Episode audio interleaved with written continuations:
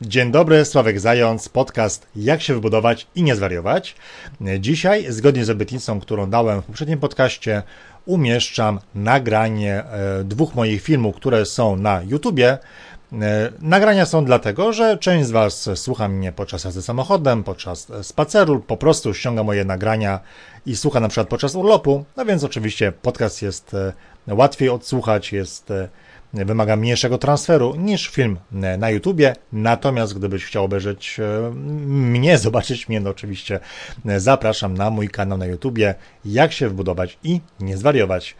Tego typu podcasty, które są nagraniami z mojego kanału, będą się zdarzały raz na jakiś czas i za każdym razem będę Was informował o tym, że dany podcast jest właśnie e, oryginalnie umieszczony na kanale. Zapraszam do słuchania. Cześć, Sławek Zając, kanał Jak się wybudować i nie zwariować, w którym pokazuję jak wybrać działkę, jak się przygotować do budowy, jak podjąć dobre decyzje, aby wybudować wymarzony dom.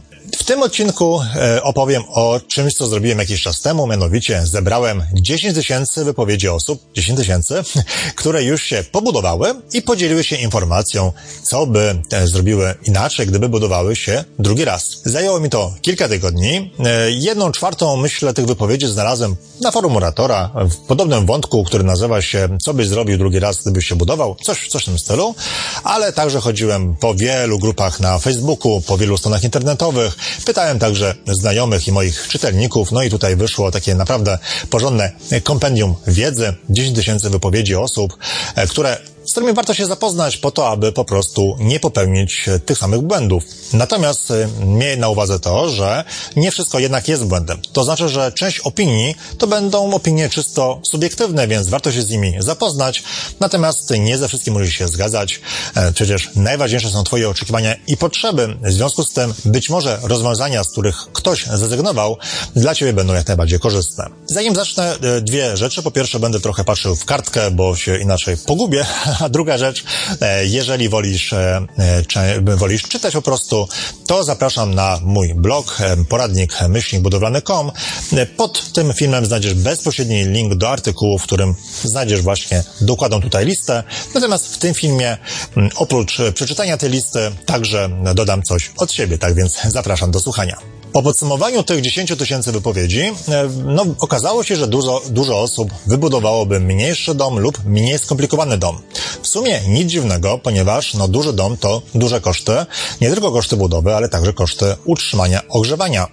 Dom skomplikowany to także wyższe koszty budowy, więc warto zastanowić się, czy na pewno potrzebujemy dom z dachem wielospadowym, z lukarnami, balkonami itd., tak itd. Tak no każdy element, który chcemy w naszym domu, który podniesie jego atrakcyjność, no jednak kosztuje. Myślę, że lepiej jednak zadbać o to, aby dom był funkcjonalny w środku. To jak dom wygląda na zewnątrz, myślę, że ma mniejsze znaczenie.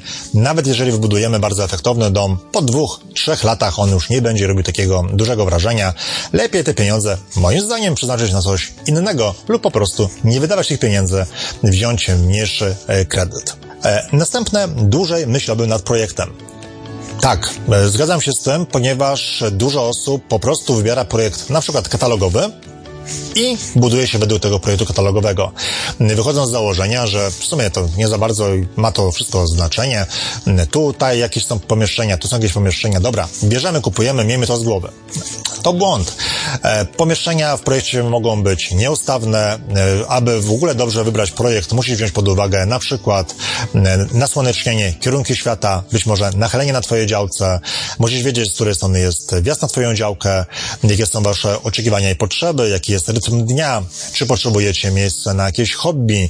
No tych elementów jest mnóstwo. W związku z tym, jeżeli wybierzecie po prostu projekt katalogowy i budujecie się, może się okazać, że dopiero po mm, wybudowaniu ścian lub nawet gorzej po, mm, po pomalowaniu już na etapie wykończenia może się okazać, że ten dom jednak ma pewne wady, z których sobie wcześniej sprawy nie zdawaliście.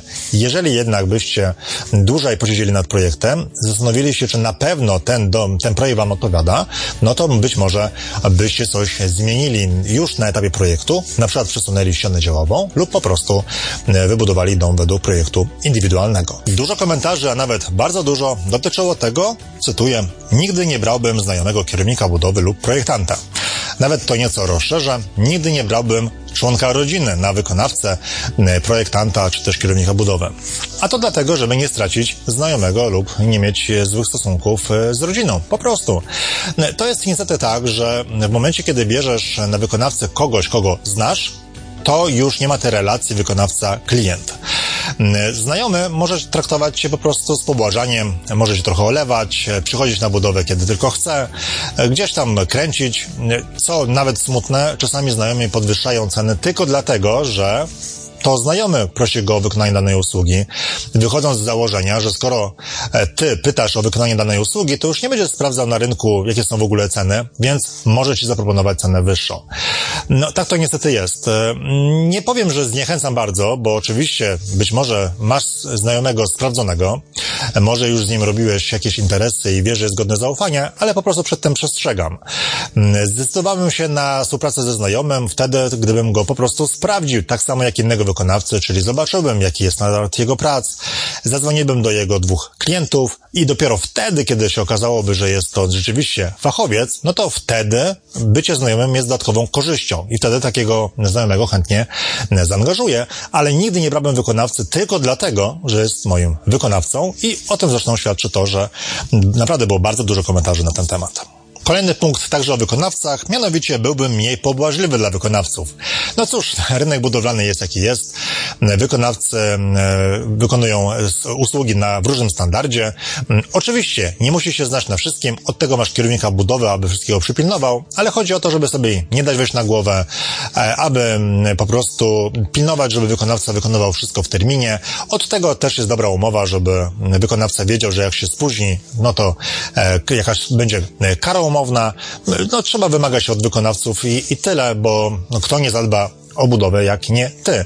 E, powiem więcej, widzę, że nawet sporo osób, które budują się jedną firmą, wychodzą z założenia, że no, podpisują umowę i za e, powiedzmy 6 miesięcy, 12 e, miesięcy dostaną klucz do swojego domu i właściwie taką budową nie trzeba się zajmować. Moim zdaniem to błąd.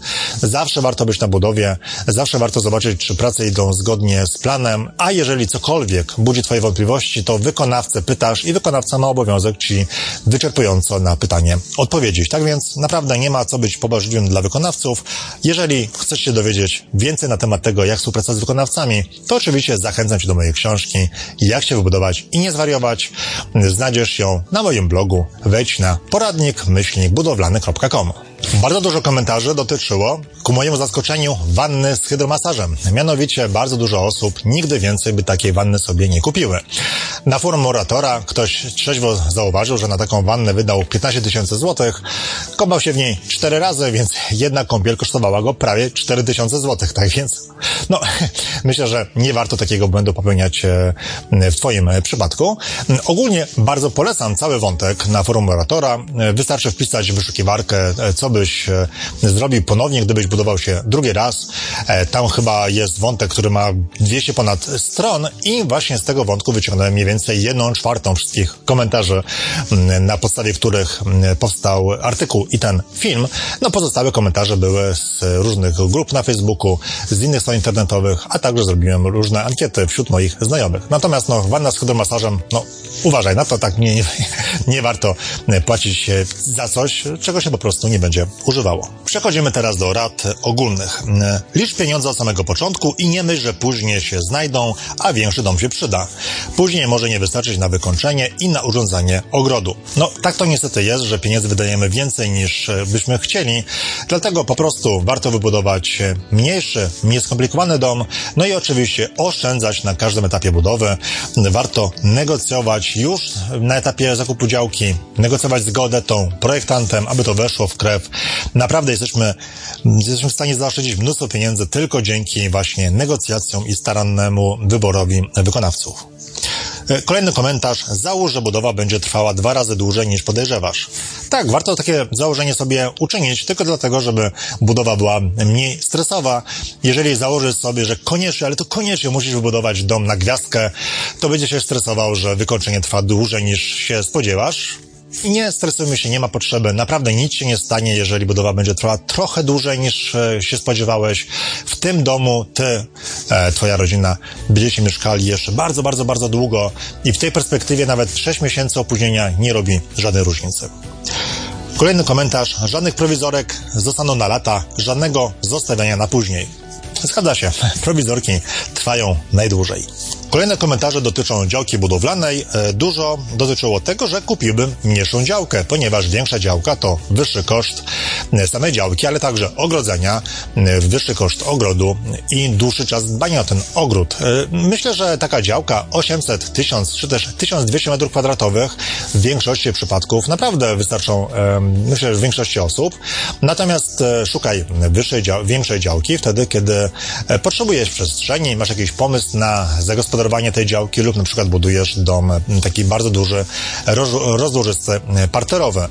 Myślę, że przed zakupem działki musisz wiedzieć, jaki masz naprawdę budżet na działkę i na budowę domu, czyli musisz policzyć, ile będzie cię ta budowa kosztowała, abyś po prostu nie kupił zbyt drogo działki, bo może się okazać, że na budowę domu cię po prostu nie będzie stać. Mm, co bardzo ciekawe, ale nie spotkałem się z żadnym, ale to żadnym komentarzem, że ktoś popełnił błąd kupując za małą działkę. Więc to też daje do myślenia. Myślę, że mm, nie warto szukać na samym początku właśnie za dużych powierzchni. Kolejny komentarz. Lepiej negocjowałbym. Cytat. Przy zakupie działki łatwo się na jakąś napalić i sprzedający to wyczuje. Trzeba spokojnie negocjować i przygotować wady danej działki. U nas poszło 10 tysięcy złotych na podwyższenie i wyrównanie terenu. E, no, z tym napaleniem tak niestety jest, szczególnie jak na danym terenie nie ma żadnych działek. Nagle znajdujemy coś ciekawego, no i chcemy to kupić. No ale jeżeli naprawdę chcemy, chcemy ją kupić i nie mamy żadnej alternatywy innej działki, którą byśmy byli zainteresowani, no to po prostu nie będziemy negocjować, bo będziemy się bali, że ktoś kupi za nas. Natomiast wcale tak nie musi być. Sprzedający może starać się sprzedawać działkę od już od wielu miesięcy. Tak naprawdę nie ma innych kupujących. Myślę, że warto mieć zawsze jeszcze dwie, trzy inne działki na boku. One mogą mieć jakieś wady, ale chodzi o to, żebyśmy mieli pewien komfort rozmowy z sprzedającym, abyśmy troszeczkę mocniej negocjowali. Naprawdę, jeżeli czujemy, że mamy jakąś alternatywę, jesteśmy w stanie wynegocjować więcej. Jeżeli czujemy, że albo ta działka, albo żadna inna, no to tak naprawdę zgodzimy się prawdopodobnie na pierwszą ofertę sprzedającego, więc potencjalnie tak naprawdę stracimy kilka lub kilkanaście tysięcy złotych. Tak więc do negocjacji warto się e, przygotować. E, o tym, jak to robić, e, mówiłem w moim podcaście. Znajdziesz go na moim blogu poradnik myślibudowlane.com, a także w moim kursie. Zapraszam na jaksiewybudować.pl. Kolejny komentarz to kwestia uzbrojenia działki. Cytat. Wydawało mi się, że odległość 200 metrów od wody i gazu to mały pikuś, a jest zupełnie inaczej. Niestety, te koszty podłączenia mogą być bardzo, bardzo wysokie. W związku z tym, jeżeli kupujesz działkę nieuzbrojoną, e, skontaktuj się z zakładem wodosięgowym, kanalizacyjnym na przykład i dowiedz się, jakie są orientacyjne koszty podłączenia. Popytaj także sąsiadów o to, jakie oni koszty ponieśli, ponieważ no na przykład 200-metrowy odcinek kanalizacji może kosztować nawet kilkadziesiąt tysięcy złotych, więc może warto kupić jednak droższą działkę, ale w pełni uzbrojoną i finalnie zapłacić mniej? Do rozważenia. Kolejny komentarz to przed zakupem należy bardzo dokładnie przeczytać miejscowy plan zagospodarowania przestrzennego i upewnić się, że możemy wybudować na działce to, co chcemy. Oczywiście, jak najbardziej i jeżeli jesteś przed zakupem działki, zapraszam Cię do mojego poprzedniego filmu, w którym omawiam 10 największych błędów przy zakupie działki. Link znajdziesz na dole. E, obejrzę ten film, ponieważ zakup na przykład mieszkania jest naprawdę prosty e, w porównaniu do zakupu działki. Kupując mieszkanie, wiesz co kupujesz, tak? Jesteś w stanie dotknąć ścian, zobaczyć, czy nic nie przecieka, czy wszystko jest w porządku. Natomiast bez najmniejszego problemu możesz kupić działkę, na której nawet budowa będzie niemożliwa. W związku z tym naprawdę zachęcam Cię do obejrzenia tego filmu, abyś po prostu uniknął problemu podczas wyboru i zakupu działki. Kolejne komentarze dotyczą projektu domu. Długo zastanawiać się nad projektem i wziąć pod uwagę obecny i przyszły stan osobowy. Z dziećmi różnie bywa i rzadko chcą zostawać z rodzicami po przekroczeniu pełnoletności. Zgadza się, nie warto budować zbyt dużego domu. E, duży dom to wyższe koszty e, budowy oraz oczywiście wyższe koszty ogrzewania.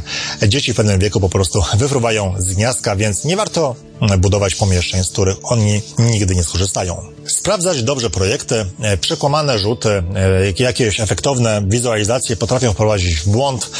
Tutaj znalazłem taki dosadny komentarz właśnie na temat takich sztuczek, że o, tutaj tak zrobili łazienkę, że nie ma problemu ze zmieszczeniem prysznica. Sprawdzam przez narysowanie linii jednego projektu do, do drugiego i co się okazuje? E, płytki na podłodze w obu projektach są wrysowane tej samej wielkości. W jednej łazience kabina jest na 2,5 płytki, a w drugiej na 4 płytki. Gnojki potrafią wyrysować kabinę prysznicową 60 cm na 60 cm, aby w projekcie dobrze wyglądało. Trzeba być naprawdę ostrożnym. Rzeczywiście potrafią wrysować w małe pomieszczenie wielki, wielko, wielkie łóżko dwuosobowe albo na przykład stół, który mieści teoretycznie 8 e, osób dorosłych, a jak zobaczysz, jakie ma wymiary, to tam by się ledwo zmieściło ośmioro dzieci i też byłoby niewygodnie, musiałyby się trącać e, łokciami. Tak więc uważajmy na to, bo czasami te meble, e, szafy i tak dalej są po prostu mniejsze niż są w rzeczywistości, a to robią niestety te biura projektowe tylko po to, aby dany projekt wydawał się bardziej ustawny. Kolejny komentarz. Wybierzcie dobrze projektanta i sprawdzacie projekt. Niektórzy projektanci dają na przykład więcej zbrojenia fundamentów na zapas zupełnie niepotrzebnie. Przecież inwestor zapłaci. E, jak zadzwoniłam do e, architekta, to dowiedziałem się, że możemy dać nie FI 12, a FI 10, jak chcemy. E, no a to przecież nie my będziemy decydować o tym, jakie dawać zbrojenie, tak? No jeżeli projektant daje coś na zapas, to jest to po prostu zły projektant. Konstruktor powinien dostosować fundamenty i inne elementy budynku, tak aby to było wszystko ekonomicznie uzasadnione, a jednocześnie, aby budynek był trwały. Inne błędy Projektant wyrysował otwór na drzwi wejściowe o szerokości 90 cm, a w wykazie stolarki dał drzwi 90 cm. To są takie błędy różnego typu. Rzeczywiście możemy się spotkać z różnymi błędami w projektach. E, jakie jest wyjście? No po prostu szukajmy dobrego projektanta. Nie ma innego wyjścia. E, jeżeli kupujemy projekt katalogowy, to musimy znaleźć dobrego projektanta adaptującego, który także zwróci uwagę na błędy, które są w projekcie. E, inne wyjście? Chyba nie ma innego wyjścia. No możesz ewentualnie jeszcze mieć kierownika budowy, który też obejrzy dobrze ten projekt budowlany, ale pamiętaj o tym, że to projektant bierze odpowiedzialność za projekt budowlany i jego obowiązkiem jest stworzenie takiego projektu, aby wszystko było po prostu dobrze. Kolejna porada. Należy wcześniej zdecydować się jak na najwięcej rzeczy, na przykład kominek dwustronny, odkurzacz centralny, rolety zewnętrzne, ustalić wysokość okien nad posadzką w kuchni, a nawet wybrać sprzęt AGD i dopilnować, aby wszystkie rzeczy były uwzględnione w projekcie. Jeżeli chcemy zamontować wentylację mechaniczną, to w projekcie nie powinno być kominów od wentylacji grawitacyjnej. Jeżeli planujesz okna z roletami, to otwory okienne muszą być odpowiednio większe. Cytat. Niestety mojej koleżance zawodowa ekipa nie zostawiła miejsca na rolety. Efekt zmieszane okna. Tak więc znowu kwestia przemyślenia wszystkiego. Mm, to wszystko, co chcesz mieć w domu, powinno być przemyślane najlepiej już na etapie projektu budowlanego, tak aby e, Twój budynek e, mógł te rozwiązania e, mieć. Kolejne wskazówki. Dobrze znaleźć projekt o mniejszym metrażu korytarzu i holi. Tak, rzeczywiście jest. Czasami widzimy projekty, w których 20-30 m2 jest właściwie zmarnowanych właśnie na wąskie korytarze. Czasami nie da się z tym nic zrobić, ale warto na to zwrócić uwagę. E, żadnych pomieszczeń, które nie mają jasno sprecyzowanej funkcji, szybko zamieniają się w schowki rzeczy, które nie wiadomo gdzie postawić. W miarę skonsolidowany układ wody i kanalizacji, kuchnia i łazienki blisko siebie, o ile nie ma innych przeciwwskazań. Spiżarnia przy kuchni lub na linii garaż-kuchnia. Bardzo wygodne. Mam e, właśnie spiżarnię między garażem a kuchnią. E, wchodzę sobie do garażu, zostawiam zakupy, e, większość zakupów w spiżarni, no i potem tylko część rzeczy, które chowam do lodówki, zostawiam w kuchni. Tak więc bardzo polecam mieć spiżarnię, nawet jeżeli nie masz przy niej garażu. Chodzi o to, żeby mieć miejsce gdzieś z boku. Łatwiej po prostu mieć dużo otwartych półek. Taka spiżarnia, nawet 2-3 metry kwadratowe, naprawdę bardzo dużo pomieści rzeczy. Dużo komentarzy dotyczyło tego, że wiatrołapy są trochę za małe. E, w wiatrołapie powinno być miejsce na dużą szafę na ubrania, musi być miejsce do przebierania się.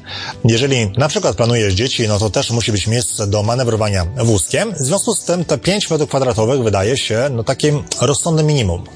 Nawet myślę, wiatrołap powinien być trochę większy, jeżeli także łączy ze sobą garaż, no bo w tym momencie masz troje drzwi w wiatrołapie, więc tego miejsca masz jeszcze mniej, więc wtedy wiatrołap bym trochę powiększył. Kolejny komentarz e, to mistrza liczba pomieszczeń, za to pomieszczenia większe.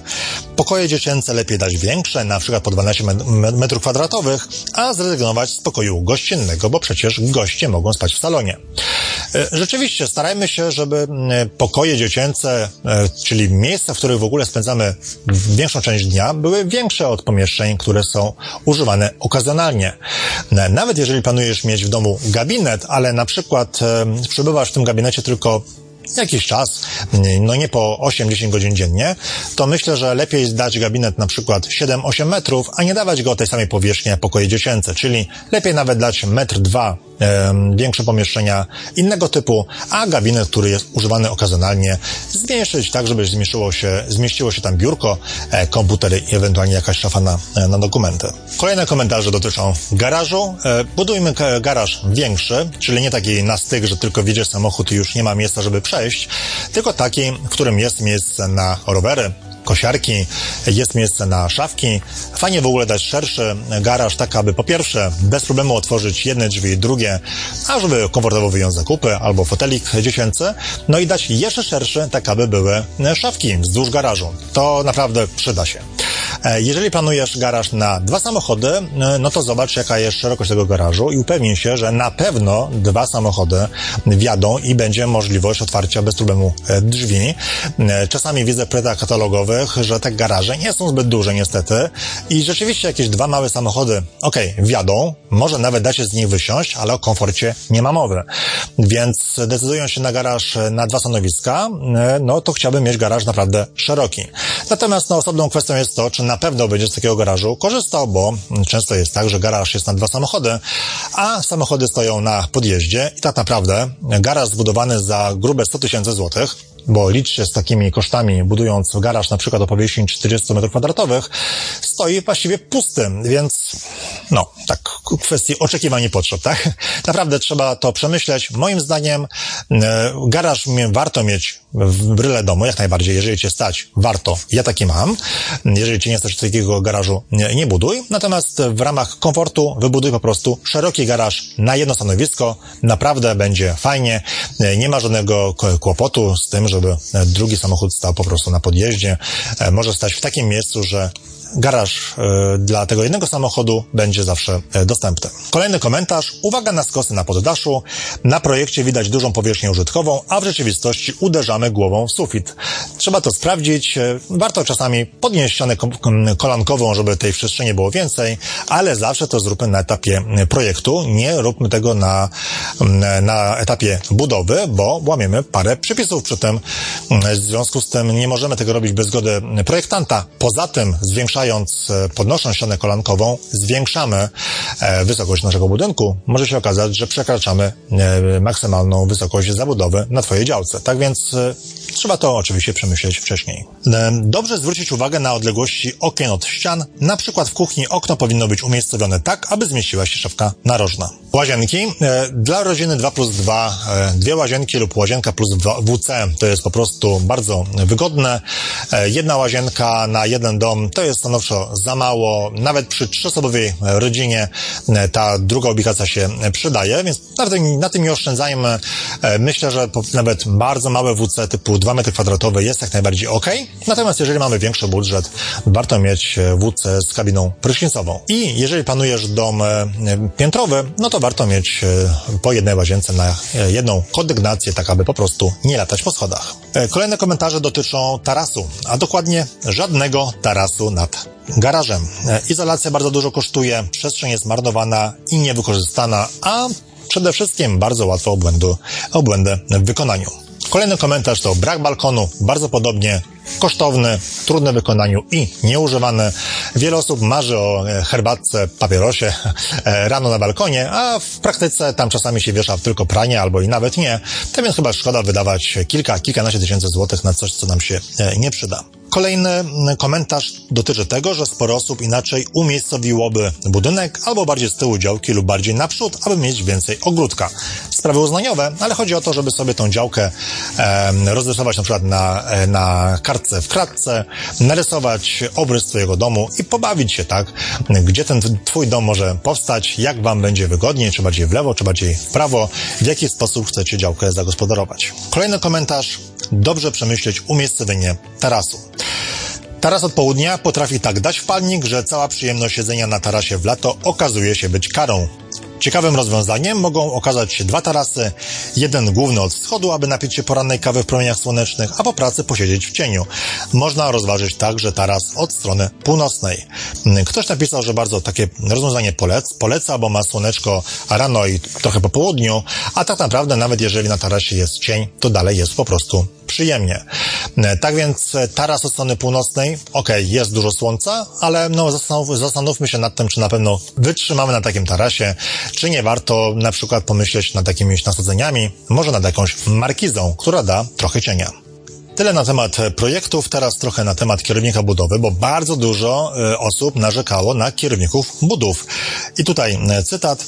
Płacę mu obecnie tylko i jedynie za wpisy do dziennika budowy, co jest straszne tak naprawdę, no bo kierownik budowy to jest nasz sojusznik. Płacimy e, komuś za to, że dopilnuje budowy. Tak, ja się na budowie nie znam, nie znam się na technologiach, nie znam się na, na różnych rozwiązaniach. Biorę fachowca, on mm, pomaga, on ma e, wiedzę, doświadczenie, bierze za swoje decyzje odpowiedzialność. No kierownik budowy, który się tylko wpisuje do dziennika, no to, to, to żaden kierownik budowy. To w ogóle nie warto mu płacić nawet ani złotówki. Kolejne komentarze to w moim wypadku to figurant, któremu zapłaciłem o wiele za dużo. Kolejny, mój w niczym mi nie pomógł, był kilka razy na budowie, w zasadzie nie wiem po co. Kolejny, nasz kompletnie się nie sprawdził, bezradny jak dziecko i do tego leń. Był na budowie tylko dwa razy, przed budową, no i przed położeniem dachu. Resztę wymyślałem ja sam z wykonawcami. No, słuchajcie, no tak, to jest, to jest straszne, szczerze mówiąc. E, tacy kierownicy biorą za prowadzenie budowy 1500 zł, ale no, biorą pieniądze nawet nie za prowadzenie budowy, tylko za to, że jest, są figurantami i to są pieniądze w błoto. E, znacznie lepiej zapłacić za porządnego kierownika trzy razy więcej, na przykład 5000 zł, ale niech on na budowie zjawi się co drugi, trzeci dzień, niech dopilnuje wszystkiego, niech zadba o to, żebyś budował się poprawnie, niech zadba o to, żebyś miał dobry sen. Naprawdę są dobrzy kierownicy, oczywiście oni są drożsi, ale dobry kierownik budowy jest warty każdej, ale to każdej złotówki. Kolejne komentarze dotyczą tego, co mówiłem wcześniej, czyli żadnych znajomych i żadnej rodziny. E, dwa komentarze, które myślę, że dają trochę do myślenia. E, nasz architekt z rodziny był fatalny, wszystkie jego pomysły były błędami lub wydumkami, które później trzeba było likwidować odpowiednimi aneksami. I drugi komentarz. Nie dałbym nic robić znajomym lub komuś z rodziny, dałem do zrobienia trzy rzeczy i dwie są skopane. Tak więc uważajcie właśnie na rodzinę i na znajomych. Dużo komentarzy dotyczyło też tego, aby nigdy nie brać ekipy w ciemno, nawet z polecenia. E, ja wiem, że tak jest czasami łatwo. Pytamy o polecenia sąsiadów, e, znajomych, e, spotykamy się z jakąś ekipą, budzi zaufanie, ok, działajmy, ale tutaj już wiele osób się nacięło. Takie polecenie traktuj jako przekazanie kontaktu. Każdą ekipę, każdego fachowca musisz dokładnie sprawdzić, aby mieć pewność, że wszystko jest z nią w porządku. Kolejną rzeczą jest pilnowanie wykonawców. Wykonawcy powinni robić, wykonywać pracę zgodne z projektem budowlanym. No i jeżeli wykonawca proponuje, żeby zrobić coś innego, no to zawsze e, kontaktuj się z projektantem budowlanym, E, kierownikiem budowy, aby no, potwierdzili, że to, co wykonawca proponuje, ma sens. No i projektant budowy, budowlany powinien się pod taką zmianą w ogóle podpisać, tak aby on wziął za to odpowiedzialność. Pamiętaj, że wykonawca, który proponuje pewne odstępstwa od projektu, często proponuje pewne rozwiązania, dlatego, aby mu było lepiej, tak? Być może proponuje ci coś, żeby było mu łatwiej, szybciej, ale nie jest to żadna korzyść dla ciebie. W związku z tym po prostu ostrożnie, tak? Nie podejmuj decyzji na własną rękę, po to masz kierownika budowy i projektanta, e, aby e, służyli Ci dobrą radą. Jeden z dosadniejszych komentarzy stać z batem nad każdym wykonawcą i absolutnie im nie ufać. Wszystkiego pilnować, wszędzie zaglądać, o wszystko pytać, wszystko spisywać i fotografować. Nie wierzyć w dobre pomysły wykonawców, zwykle proponują nie lepsze rozwiązania dla nas, tylko łatwiejsze dla siebie. Więcej patrzenia na ręce lub sprawdzanie dokładnie wtedy, kiedy ich nie ma. E, z takich ciekawszych błędów to e, jeden komentarz. E, nie uwzględnili grubości podłogówki i przez to budujący ma 10 cm niższe pomieszczenie w projekcie i przykrótkie drzwi wejściowe. Inny błąd pomylili się o pustaka, przez co cały parter jest za, za niski. No niestety bywają nawet krzywe ściany, krzywe podłoga, za, za niskie okna, źle zostały wyznaczone ściany działowe. Błędów jest co, co nie miara. Myślę, że mógłbym godzinę rozmawiać, mówić o tym tylko, z jakimi błędami się spotkałem. e, no jakby nie po taką świadomość, tak? Oczywiście, jeżeli dobrze podejdziesz do wyboru wykonawcy, starannie go sprawdzisz, będziesz miał dobrego projektanta, kierownika budowy, to prawdopodobnie tych błędów w ogóle nie będziesz miał na budowie ale dalej warto sprawdzać, czy wszystko idzie tak, jak powinno. Mm, nawet jeżeli buduje się jedną firmą, warto na budowie co jakiś czas się zjawiać z miarką, poziomicą, zobaczyć, czy wszystko jest zrobione e, właściwie. Taka kontrola wcale dużo nie zajmuje, a pamiętaj, że budujesz dla siebie. Nawet najlepszy wykonawca, nawet najlepszy kierownik budowy mogą mieć gorsze dni, mogą gdzieś, mogła im się gdzieś noga podwinąć, mogli popełnić jakiś błąd, który wychwycony e, szybko, będzie łatwo e, naprawić, natomiast e, no, na późniejszych etapach naprawa może być bardzo kosztowna lub wręcz niemożliwa, tak więc zaopatrz się w jakąś poziomicę laserową na przykład i bywaj często na budowie, kontroluj, kontroluj wykonawców. Kolejny komentarz, rozliczałbym dokładnie zaliczki na materiały, których kupno wolałem zlecić wykonawcę. Niestety, jeżeli wręczasz komuś pieniądze i ten ktoś ma kupić w Twoim imieniu materiały budowlane czy też wykończeniowe, to trochę kusi do tego, aby zrobić jakieś machlojki. Wystarczy wziąć e, materiały, ale część niech idzie sobie na inną budowę. Może ktoś mieć jakiś układ z hurtownią czy też z kodem budowlanym, więc e, zawsze oczekuj paragonu faktury i sprawdzaj, czy na pewno wykonawca kupił to, co jest na tej fakturze i że te materiały są właśnie na Twojej budowie. Umówiłbym się na zapłatę po skończonym stanie surowym, a nie w miarę postępu prac. Stoimy już wiele tygodni, bo wykonawca nie ma czasu dokończyć stanu surowego otwartego. Zostało tylko niecałe 15% do zapłaty. Tak, staramy się dawać jak najmniejsze zaliczki i jak najwięcej pieniędzy zostawiać po każdym etapie budowy, tak aby wykonawca miał po prostu e, presję do tego, aby skończyć budowę, tak aby uzyskał wynagrodzenie za, e, za całość. Ja ustalając kwotę na budowę domu do stanu surowego, podzieliłem płatność na cztery etapy, z każdego etapu jeszcze odjąłem 10%, tak aby wykonawca dostał całe wynagrodzenie dopiero po zakończeniu pracy. Dzięki temu miałem pewność, że wykonawca nie opuści budowy w połowie prac, bo nagle znalazł lepiej płatną pracę. E, to jest, to jest, to jest fajna sprawa. Sporo komentarzy dotyczyło też tego, że zatrudnieni wykonawcy nie byli specjalistami do prac, do których ich zaangażowano. I tak mur, murarze budowali więźbę, a tynkarze montowali gniazdka elektryczne. Kilka osób narzekało na to, że pewne rzeczy zlecili fachowcom od wszystkiego, a nie specjalistom, na przykład montaż drzwi wewnętrznych. Cytat, do dachu wziąłbym specjalistów od dachu, a nie ekipę ogólnobudowlaną. To też świadczy o tym, żeby wykonawców dobrze, ale to bardzo dobrze sprawdzić, aby rzeczywiście e, każdy fachowiec robił to, w czym się specjalizuje. Niestety, no, dosyć dużo e, osób uważa, że budowlanka to jest jedność i zrobią wszystko od fundamentów po więźbę, po założenie gniazdek elektrycznych. Tymczasem do każdej pracy trzeba mieć dość dużo doświadczenia, mieć narzędzia, mieć wiedzę i nie każda osoba jest w stanie zrobić wszystko równie dobrze. W związku z tym czasami oczywiście będzie Ci kusiło, żeby daną ekipę, która sprawdziła się na przykład przy stanie surowym, wziąć do kolejnych prac, ale e, jeżeli chciałbyś tak zrobić, to sprawdź, czy te prace wykonywała taka ekipa już wcześniej, zadzwoń do klientów, upewnij się, że standard usługi był ok i dopiero wtedy podejmij, rozszerz współpracę. Ale nie bierz ekipy tylko dlatego, że mówi ci o tym, że wykona wszystkie prace i będziesz zadowolony, no bo to no, różnie bywa. Na tym zakończę część pierwszą. Skończyliśmy ostatnio na wykonawcach, wchodzimy teraz w ogród.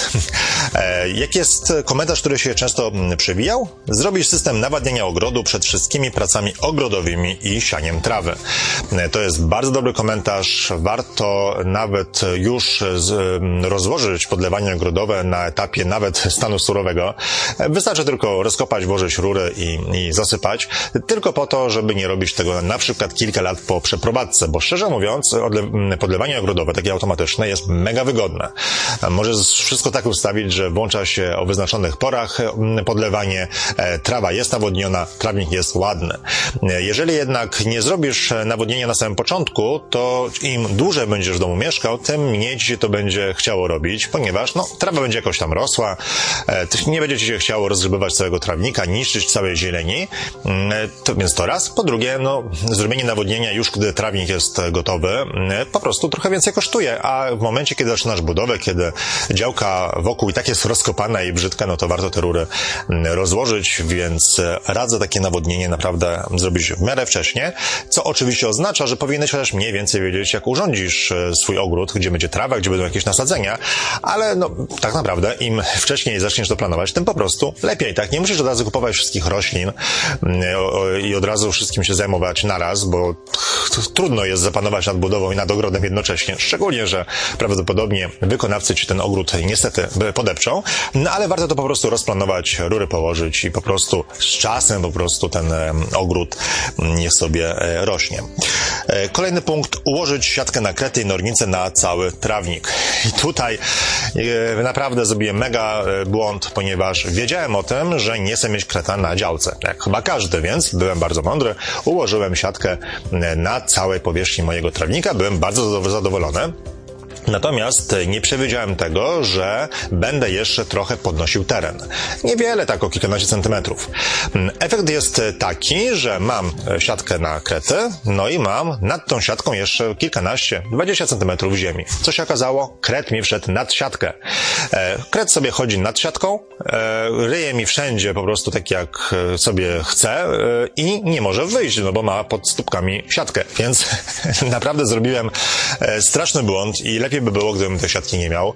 Mm, I próbowałem kreta walczyć, zwalczać wieloma sposobami, e, którymi nie będę się do końca chwalił. E, nic nie, nie pomogło niestety. W związku z tym w tym roku e, postanowiłem zatrudnić po prostu firmę, która mi zrobi ogród, czyli to, co mam w tej chwili mi zedrze, zrobi mi porządek, posieje ładną, prostą trawkę i będzie mm, bardzo fajnie. Oczywiście przy okazji także ułożę dobrze siatkę na krety, tak żeby już ten problem nigdy się nie pojawił. Wierzcie mi, że e, no, nie doceniłem, jak kret jest e, mm, e, męczący, a nie ma nic gorszego, kiedy widzimy ładny, śliczny, wypielęgnowany trawnik i pierwszy kopiec kreta, tak? No, boli, boli strasznie. Kolejny punkt, nawierzchnią warstwę w ogrodzie dać o wiele żyźniejszą ziemię, też żeby po prostu wszystko lepiej rosło. Myślę, że nawet podczas urządzania ogrodu, nawet jeżeli nie bierzemy żadnej firmy do urządzania pielęgnacji ogrodu, to warto po prostu kogoś wziąć, popytać się, jakie rośliny sadzić, jakie ziemie, jakie ziemie stosować, jak podlewać i tak dalej. Warto te informacje zdobyć, bo czasami jest tak, że mm, kupujemy na przykład jakieś drogie drzewka, ale na przykład nie dbamy o to, żeby było mm, to miejsce, w którym jest, są nasadzenia, żeby było nasłonecznione, nie dbamy o odpowiednie nawodnienie, no i kupujemy drzewko za 120 zł i za rok usycha, tak więc e, warto o to zadbać. Kolejny punkt. Dobrze kupić trawę w jednym sklepie na cały ogród, przed posianiem wszystko wymieszać, bo w inny sposób będziemy mieli część jasno, na przykład zieloną, a część ciemnozieloną. E, kolejny komentarz. Sadźcie wcześniej drzewa i krzewy. E, Cytat. Zacząłem je sadzić dopiero w następnym sezonie po rozpoczęciu budowy i posadziłem ich tylko kilkanaście. W następnym sezonie sadziłem kolejne, ale teraz z perspektywy tych kilku lat widzę, że gdybym od razu posadził 50 drzew i krzewów, to moja działka wyglądałaby znacznie lepiej. Mm, tak naprawdę radzę nawet posadzić część drzewek, przynajmniej wzdłuż ogrodzenia, nawet już po zakupie działki, a przed e, rozpoczęciem prac budowlanych, tylko odpowiednio zadbać o to, żeby nikt tam nie wchodził e, z pracowników, robotników, na przykład po prostu jakieś słupki, może jakaś taśma, jakoś to po prostu odgrodzić tak, żeby tam nikt nie wchodził, dzięki czemu, no, budowa domu trwa rok, dwa, czasami nawet dłużej, no, przez ten czas te drzewka bardzo ładnie e, podrosną.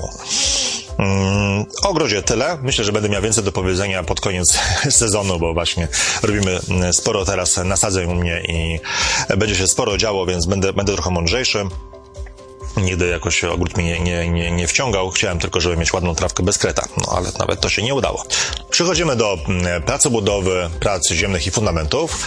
E, oprócz tego, żeby e, oddzielić miejsce nasadzeń od e, miejsc, w których chodzą ludzie, warto zabezpieczyć drzewka, jeżeli masz na działce, na przykład jakąś słomą, tak aby te drzewa nie zostały przypadkowo uszkodzone. Poza tym warto całą działkę podzielić na dwa, jakby na dwie części, czyli część, gdzie właśnie trwają prace, gdzie wjeżdża ciężki sprzęt, gdzie są rozładowywane materiały budowlane, od części, gdzie nikt nie ma wstępu e, po to, żeby po prostu cała działka nie została zadeptana. E, co dalej? Warto wyznaczyć ekipie miejsce do wyrzucania śmieci, e, dać naprawdę bardzo, bardzo dużo worków, dać jakiś kontenerek nawet, tak aby na budowie zawsze był porządek. Kolejne komentarze dotyczą fundamentu i dużo osób e, pisało o tym, żeby e, zadbać o to, żeby fundamenty zostały wykonane starannie i prawidłowo, e, więc przeczytam parę takich porad, natomiast zaznaczam, że fundament powinien być zrealizowany według projektu budowlanego, tak? I kierownik budowy, który będzie nadzorował pracę, musi dopilnować, że wykonawca zrobi wszystko według właśnie projektu. To w projekcie będzie informacja o klasie betonu, o tym, czy zastosować beton podkładowy, czy jaką zastosować hydroizolację, izolację, czy zastosować drenaż i tak dalej, i tak dalej. Tak więc, jeżeli wykonawca proponuje Ci jakieś inne rozwiązania, to zawsze się skonsultuj z projektantem lub kierownikiem budowy, bo wykonawca może wcale Ci nie proponować rozwiązań, które są dla Ciebie korzystne. E, z komentarzy mm, dotyczących fundamentów, to dotyczy to tak. E, dopilnować uziomu fundamentów, Uziom to jest w ogóle długa historia. Zaznaczam tylko, żeby tego dopilnować. Porozmawiaj po prostu z kierownikiem budowy o tym i z projektantem. E, druga. Jeżeli w projekcie jest kominek, to powinien pobierać powietrze z zewnątrz. Należy wyprowadzić kanał na etapie fundamentów, ponieważ potem może być z tym e, kłopot. Mm, sprawdzić, czy piach, którym zasypano fundamenty jest dobrze ubity. Mm, komentarz powyższe mm, spowodowały poważne osiadanie zasypu 20 cm i całkowite zerwanie chudego betonu. Podłogę trzeba było robić kolejny raz. Dobrze, że działówek jeszcze nie postawili. E, to jest problem, bo czasami nawet, e, coraz rzadziej na szczęście, zasypuje się fundamenty ziemią z wykopu. Materiał, którym zasypujesz fundamenty, musi być bardzo dobrze zagęszczony, bo inaczej e, z czasem, za kilka kilkanaście lat, e, ziemia, która jest w wykopie, czy też piach, który jest w wykopie, po prostu osiądzie. I rzeczywiście zdarzają się przypadki takie, że e, podłoga mm, rwie się pod stopami, dosłownie. Natomiast to, czym zasypujemy fundamenty, powinno wynikać z projektu budowlanego. Mm, piasek nie zawsze jest dobrym pomysłem, ponieważ zagęszczony piasek e, dobrze podciąga wodę. Lepszym pomysłem jest pospółka, Natomiast to nie jest poradnik ściśle budowlany techniczny. Zwracam tylko uwagę na to, żebyś się zainteresował, co projektant przewidział w projekcie i dopilnuj tego, aby Twoje fundamenty zostały zasypane i zagęszczone w taki sposób, jaki przewiduje projekt. W przypadku jakiejkolwiek wątpliwości rozmawiaj ze swoim kierownikiem budowy. Od fundamentów przychodzimy tak mało płynnie do tarasu.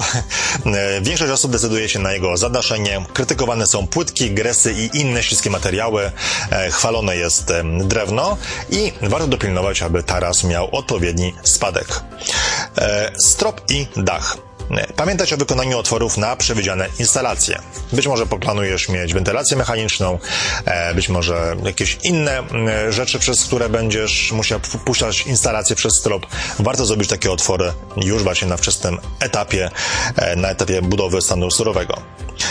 Kolejne komentarze dotyczą, żeby sprawdzić rozmiar schodów strychowych, zdarza się za mały otwór w projekcie. Wyłaz na strych dobrej jakości i, izolowany, a nie najtańszy, lub e, warto zamontować porządniejsze schody, aby wchodzenie było mniej męczące. Mm, to oczywiście dotyczy e, domów z poddaszem e, nieużytkowym, do którego, do, na, na które poddasze wchodzimy tylko raz na jakiś czas. Mm, warto mieć wygodne schody lub jeżeli mamy schody opuszczane, one są ok, jeżeli korzystamy z nich tylko czasami, natomiast warto, żeby one miały dobrą izolację, tak żeby ciepło z, z pierwszej kondygnacji, z parteru nie uciekało do góry.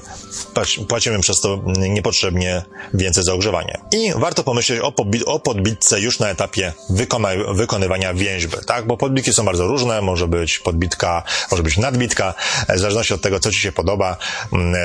Można wszystko zrobić na budowie, ale warto to przemyśleć wcześniej. Co do drzwi i okien, to komentarze było co niemiara, natomiast większość z nich dotyczyła aspektów e, wizualnych. Mm, poza tym taki komentarz, który się pojawia najczęściej dotyczył tego, że przy drugim e, domu sporo osób zdecydowałoby się na więcej okien nieotwieralnych, okien fix, ponieważ one są znacznie tańsze. E, to rzeczywiście warto to przemyśleć, e, tylko zadbać o to, aby okno można było swobodnie umyć od wewnątrz i od zewnątrz. E, jeżeli planujesz wentylację mechaniczną, to tym bardziej warto mieć więcej okien nieotwieralnych, bo tak naprawdę wentylacja mechaniczna powinna działać cały czas i do prawidłowego jej działania okien nie powinieneś otwierać. Aczkolwiek myślę, że warto sobie jedno czy tam dwa okna zostawić właśnie w pełni otwieralne, na wszelki wypadek. Może trzeba będzie nagle przewietrzyć mieszkanie lub po prostu poczuć trochę wiosnę, no ale to są oczywiście sprawy uznaniowe. Kolejny komentarz to dotyczy tego, aby wybrać dobrą firmę, która będzie montować okna i drzwi, bo bardzo łatwo niestaranny montaż moski cieplne. Ogólnie montaż okien i drzwi budzi wiele wątpliwości. Pewnie słyszałeś o montażu cieplnym albo warstwie ocieplenia i zastanawiasz się, co zrobić. Mam nadzieję, że za jakiś czas, wolę nie mówić kiedy, ale powiedzmy do dwóch miesięcy, będzie na blogu artykuł właśnie o, o oknach i o, o, drzwiach, ponieważ jest trochę mitów na ten temat. W wielkim skrócie, według mnie, według mojej takiej, e, tego co ja przyjmuję, są trzy montaże w Polsce. Jeden montaż to jest montaż w warstwie ocieplenia, czyli e, stolarka okienna jest wysunięta poza obrys muru. E, w ten sposób rzeczywiście nie ma żadnego moska cieplnego, jest zero właściwie, albo są minimalne straty ciepła ciepła przez, przez okno.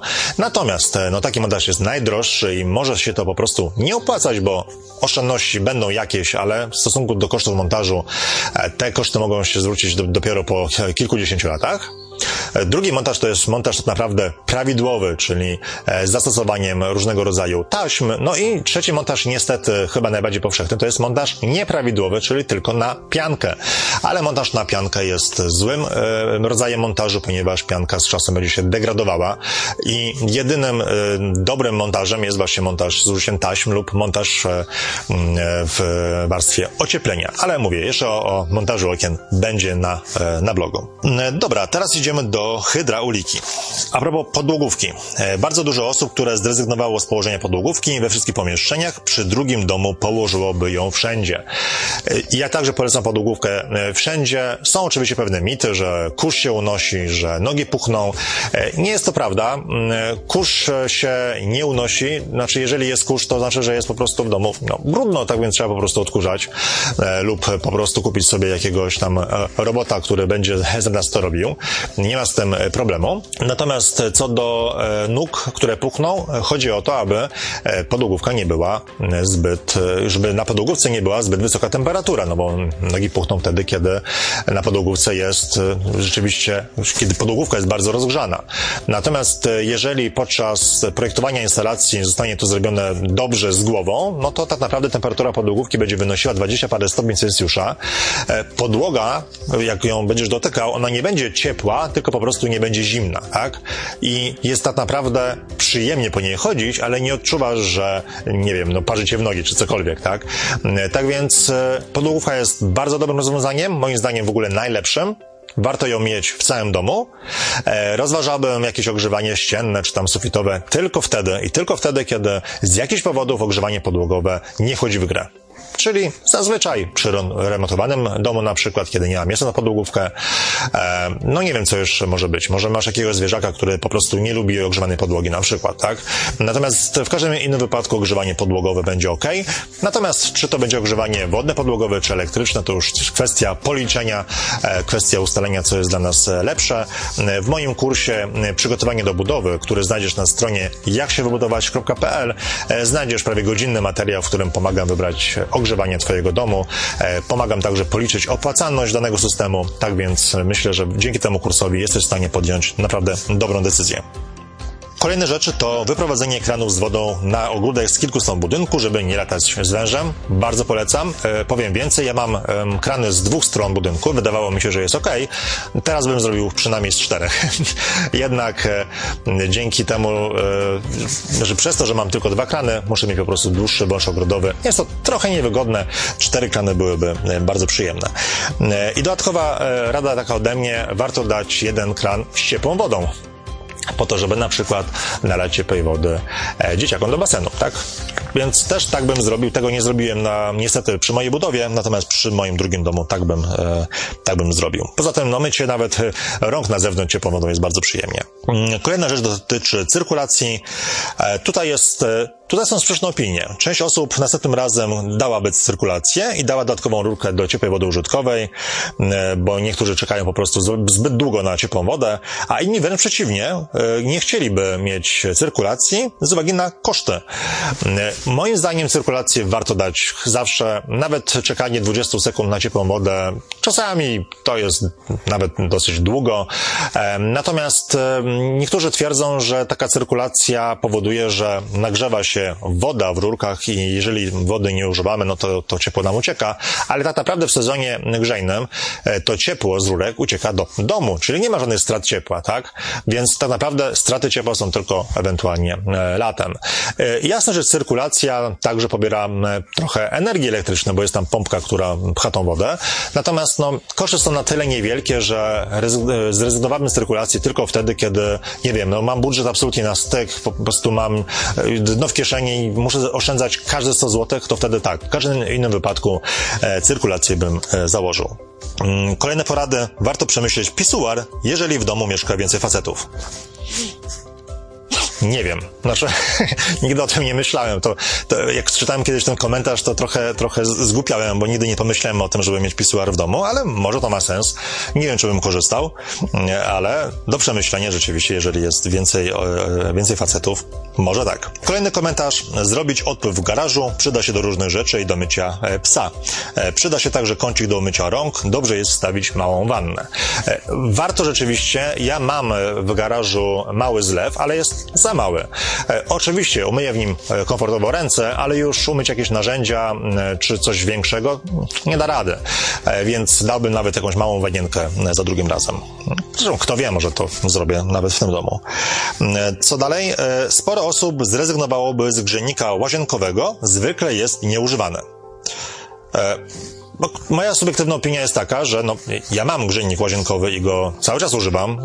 Kładę zawsze ręczniki na grzejniku i one są przyjemnie ciepłe, no ale rozumiem, że mm, dużo osób mają taki grzejnik i go po prostu nie używają, tak więc rzeczywiście w takim razie po co na to wydawać pieniądze. E, co mamy dalej? To był koniec hydrauliki, teraz mamy elektrykę. Trzeba dość wcześnie rozplanować układ pomieszczeń. Typowe błędy to gniazda elektryczne poza zasięgiem, za szafą, nad płytą indukcyjną lub umiejscowione w sposób uniemożliwiający wygodne korzystanie. Mm, warto to zrobić. E, można to zrobić oczywiście na etapie stanu surowego, pochodzić sobie po całym budynku, zaznaczyć, gdzie są włączniki, gdzie będą gniazdka, tak po prostu poznaczać kredą, wskazać e, elektrykowi co i jak, ale mm, uważam, że warto te prace zrobić już na etapie projektu budowlanego, mm, bo dzięki temu wydaje mi się, że do tego podejdziemy trochę lepiej i dodatkowo dzięki temu, że zaczniemy to robić tak wcześnie, zanim zaczniemy budować, zanim w ogóle powstaną mury, jeszcze nam się wiele rzeczy pozmienia i będziemy mogli po prostu tą naszą elektrykę doprecyzowywać.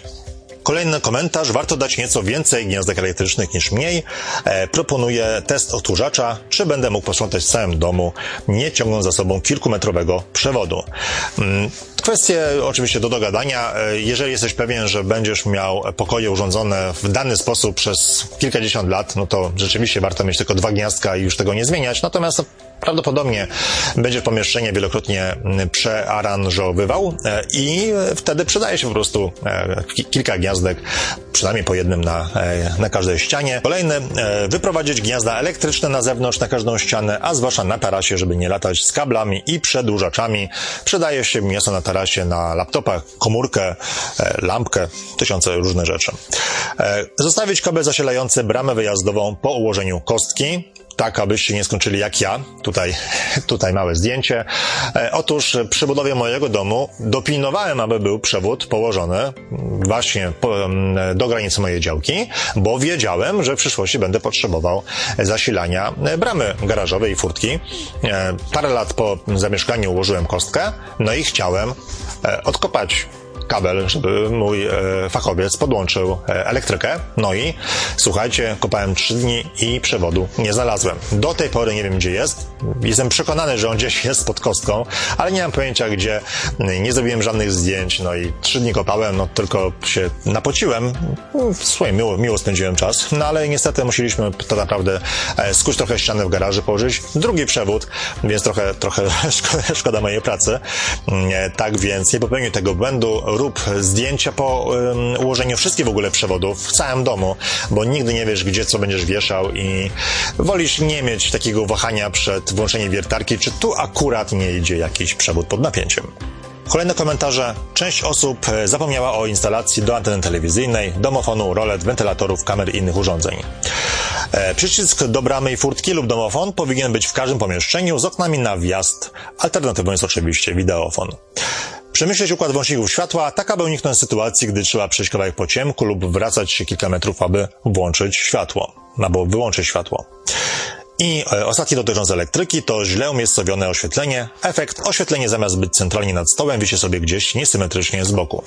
E, podsumowując temat elektryki, no musisz jak najwięcej rzeczy po prostu przemyśleć. Nawet jeżeli teraz nie potrzebujesz domofonu, bo nawet jeszcze nie masz ogrodzenia, jeszcze nie myślisz o jakiejś bramie elektrycznej i tak dalej, nie myślisz o oświetleniu ogrodu, warto wszystkie przewody sobie wyciągnąć. Koszt jest niewielki podczas budowy, a jak będziesz chciał coś zrobić za rok, pięć, dziesięć, bez żadnego problemu będziesz mógł to założyć, bez żadnych dodatkowych kosztów. Kolejny komentarz dotyczy schodów i wykończenia. E, co do schodów, uwaga na zbyt dużą wysokość stopni i na to, żeby schody były e, równe, czyli żeby każdy stopień był równiutki.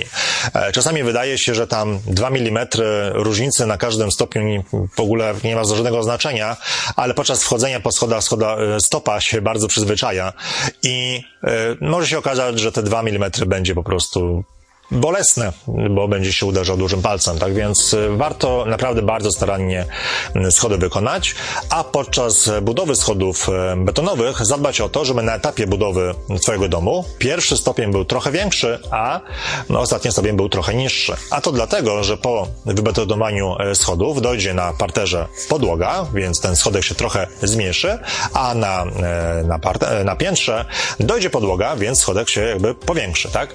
I znowu, to powinno być w projekcie budowlanym, wszystkie wymiary i tak dalej, no ale zwróćcie to uwagę, bo, e, bo są różne także błędy w projektach. Pamiętajcie, chociaż nie wiem, czy to mówiłem na kanale, ale jeżeli kupisz moją książkę w wersji papierowej, jak się wybudować i nie zwariować, lub oczywiście kupisz jeden z moich kursów o wyborze działki lub kurs przygotowania do budowy, dostaniesz także e-booka Błędy w projektach, gdzie zaznaczyłem najczęściej spotykane błędy w projektach. Dzięki temu e-bookowi będziesz sam e, mógł stwierdzić, czy projekt, który otrzymałeś, e, jest ok. Zapraszam na poradnik kreskabudowany.com. I ostatni, chyba tak, ostatnie rzeczy dotyczą wykończenia. E, przy zakupach zwracasz nie tylko uwagę, jak coś wygląda teraz, a jak będzie wyglądało za jakiś czas i jak będzie to trudno domyć. E, krytykowanie są, krytykowane są tanie listwy NDF, prysznic z brudzikiem, gres szkliwiony, białe fugi, ponieważ szybko się brudzą i trzeba szorować szczoteczką. Unikać chropowatych powierzchni.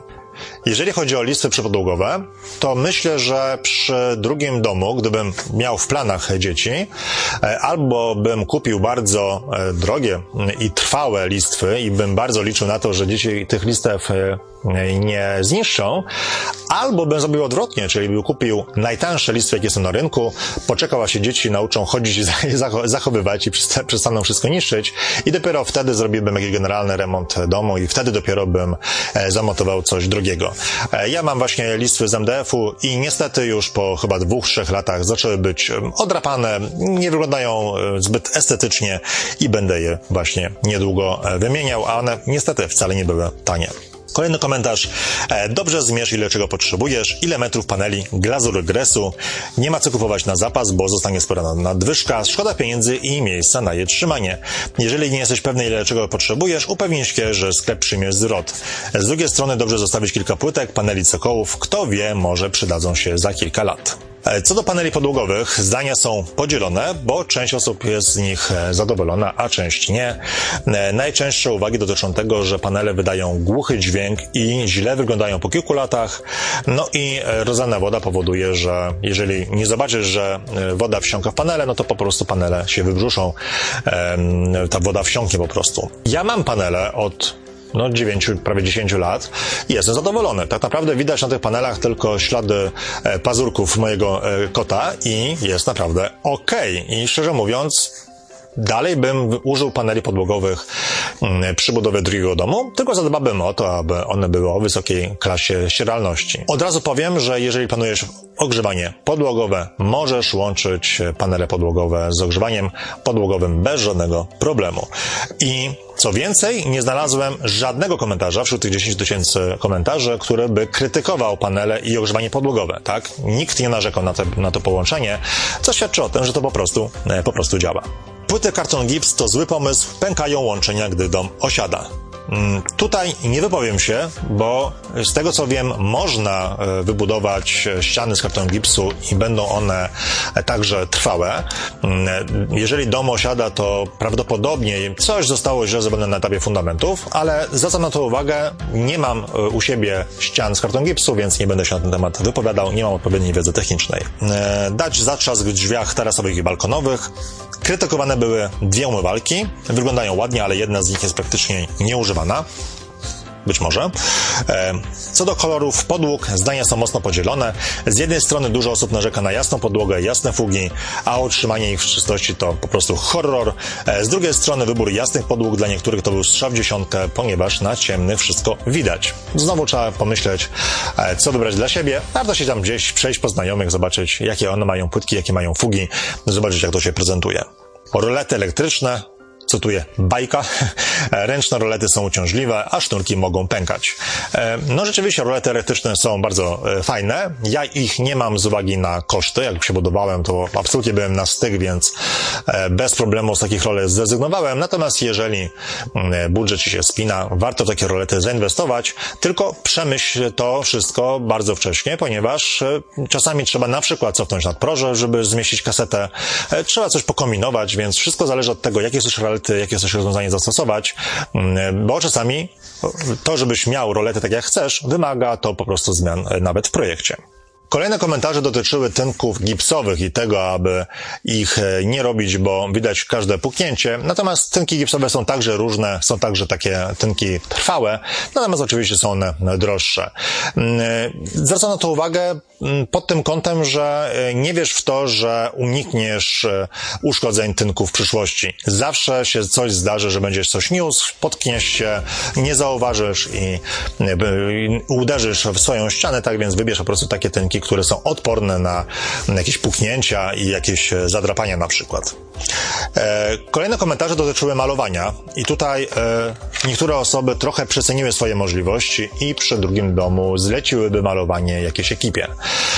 No, faktycznie jest tak, że wydaje się, że malowanie jest dosyć proste i warto to wykonać samemu, aby zaoszczędzić pieniądze. Natomiast jeżeli nigdy wcześniej nie malowałeś, no to się możesz trochę zdziwić, ile to zabiera czasu, ile w ogóle farby nawet idzie podczas malowania i mm, możesz oczywiście zaoszczędzić, natomiast proponuję Ci na początek kupić farbę tylko na jedno pomieszczenie, pomalować je, zobaczyć ile to Ci czasu zajmuje i upewnić się, że jest to rzeczywiście praca y, dla Ciebie.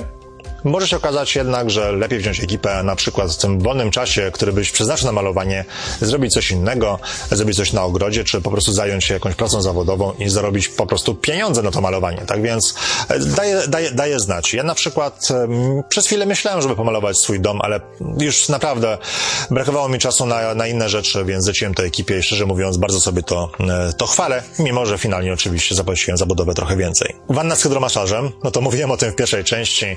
E, dużo osób kupiło wannę z hydromasażem i jej po prostu nie używało, więc szkoda, szkoda pieniędzy.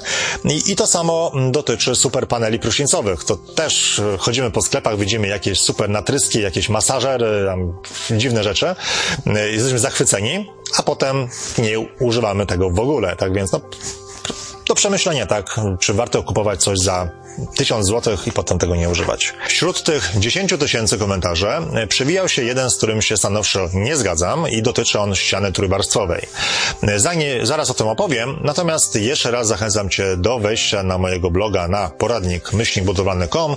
Znajdziesz tam kilkadziesiąt rzetelnych, długich artykułów na właściwie każdy temat i e, zapraszam Cię do zapoznania się z moimi kursami na stronie jaksiewybudować.pl. Dostępne są dwa kursy kursy, kurs o wyborze i zakupie działki oraz kurs przygotowanie do budowy.